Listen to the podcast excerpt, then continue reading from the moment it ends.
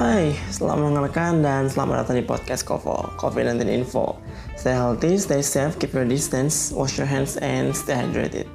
Oke, gimana kabar semuanya? Semoga baik-baik aja ya dalam upaya mencegah penyebaran COVID-19 ini. Dan demi mencegah penularan, uh, penularan infeksi virus corona atau COVID-19, kan ada banyak banget tuh pihak-pihak yang menghimbau, uh, menghimbau kita untuk menjaga jarak sosial atau social distancing tapi istilahnya kan jadi kayak bikin salah-salah persepsi gitu karena uh, ikatan sosial tuh justru diperlukan nih dalam masa-masa kayak sekarang ya nggak sih? Ketika kita sangat-sangat perlu untuk saling menguatkan. Nah yang perlu dihindarkan itu sebenarnya adalah jarak fisik yang berdekatan atau physical distancing. Jangan salah ya.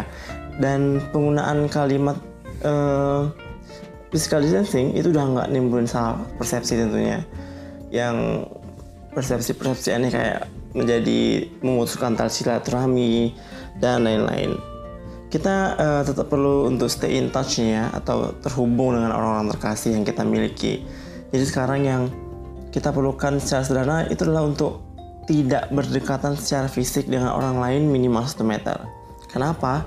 Karena untuk menghindari tubuh kita terkena percikan droplet dari batuk ataupun bersin yang mungkin terkontaminasi gitu. Oke, okay, back to the basic information. Apa sih bedanya social distancing, physical distancing, isolasi, dan karantina? Hmm, di awal tadi kan aku udah bahas tuh mengenai social distancing dan juga physical distancing ya kan. Sederhananya nih, physical itu menjaga jarak secara fisik, sosial menjaga jarak secara sosial. Tetapi social distancing itu udah nggak dipakai lagi dan kita berlanjut uh, dari physical distancing ke isolasi dan juga karantina.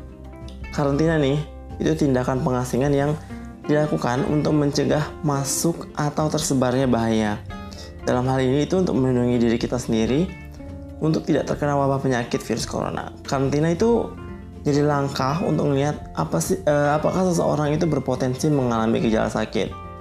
Terkait COVID-19, karantina itu juga didukung oleh pemerintah dengan meliburkan sekolah, tempat-tempat wisata, ruang publik dan lain-lain, ya kan? Dan berikutnya ada isolasi nih. Isolasi itu berarti suatu tindakan yang dilakukan kalau seseorang memang sakit dan berusaha untuk menghindari orang lain uh, untuk tertular. Maka sebaiknya memisahkan diri terlebih dahulu. Isolasi ini tuh tingkat yang paling parah dalam menghindari kontak dengan orang lain. Saat seseorang dinyatakan positif terinfeksi virus corona, maka akan diisolasi selama beberapa hari dan tentunya membutuhkan bantuan orang lain demi kelangsungan hidupnya nggak bisa beli bahan makanan sendiri, nggak boleh lagi berinteraksi dengan dunia luar. Nah inilah proses isolasi tersebut. Well, uh, dengan semua sosial ataupun physical distancing, karantina, isolasi, dan dalam bentuk untuk melindungi diri, hal yang terpenting dan terpasti bagi kita adalah wajibnya menggunakan masker jika kita terpaksa untuk keluar rumah. Ketika kembali ke rumah pun kita nggak boleh lupa untuk cuci tangan, menggunakan sabun apalagi kalau udah memegang benda-benda seperti uang ataupun mesin ATM yang sudah disentuh oleh banyak orang ya kan? Jadi masker dan membersihkan diri setelah keluar dari rumah itu benar-benar penting banget guys.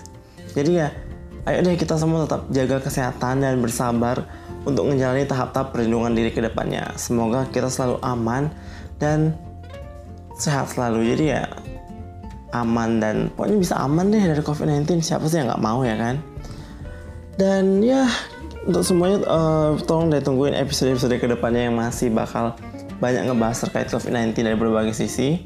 Semoga bermanfaat dan jaga kesehatan kalian. Stay safe, keep your distance, wash your hands, and stay hydrated.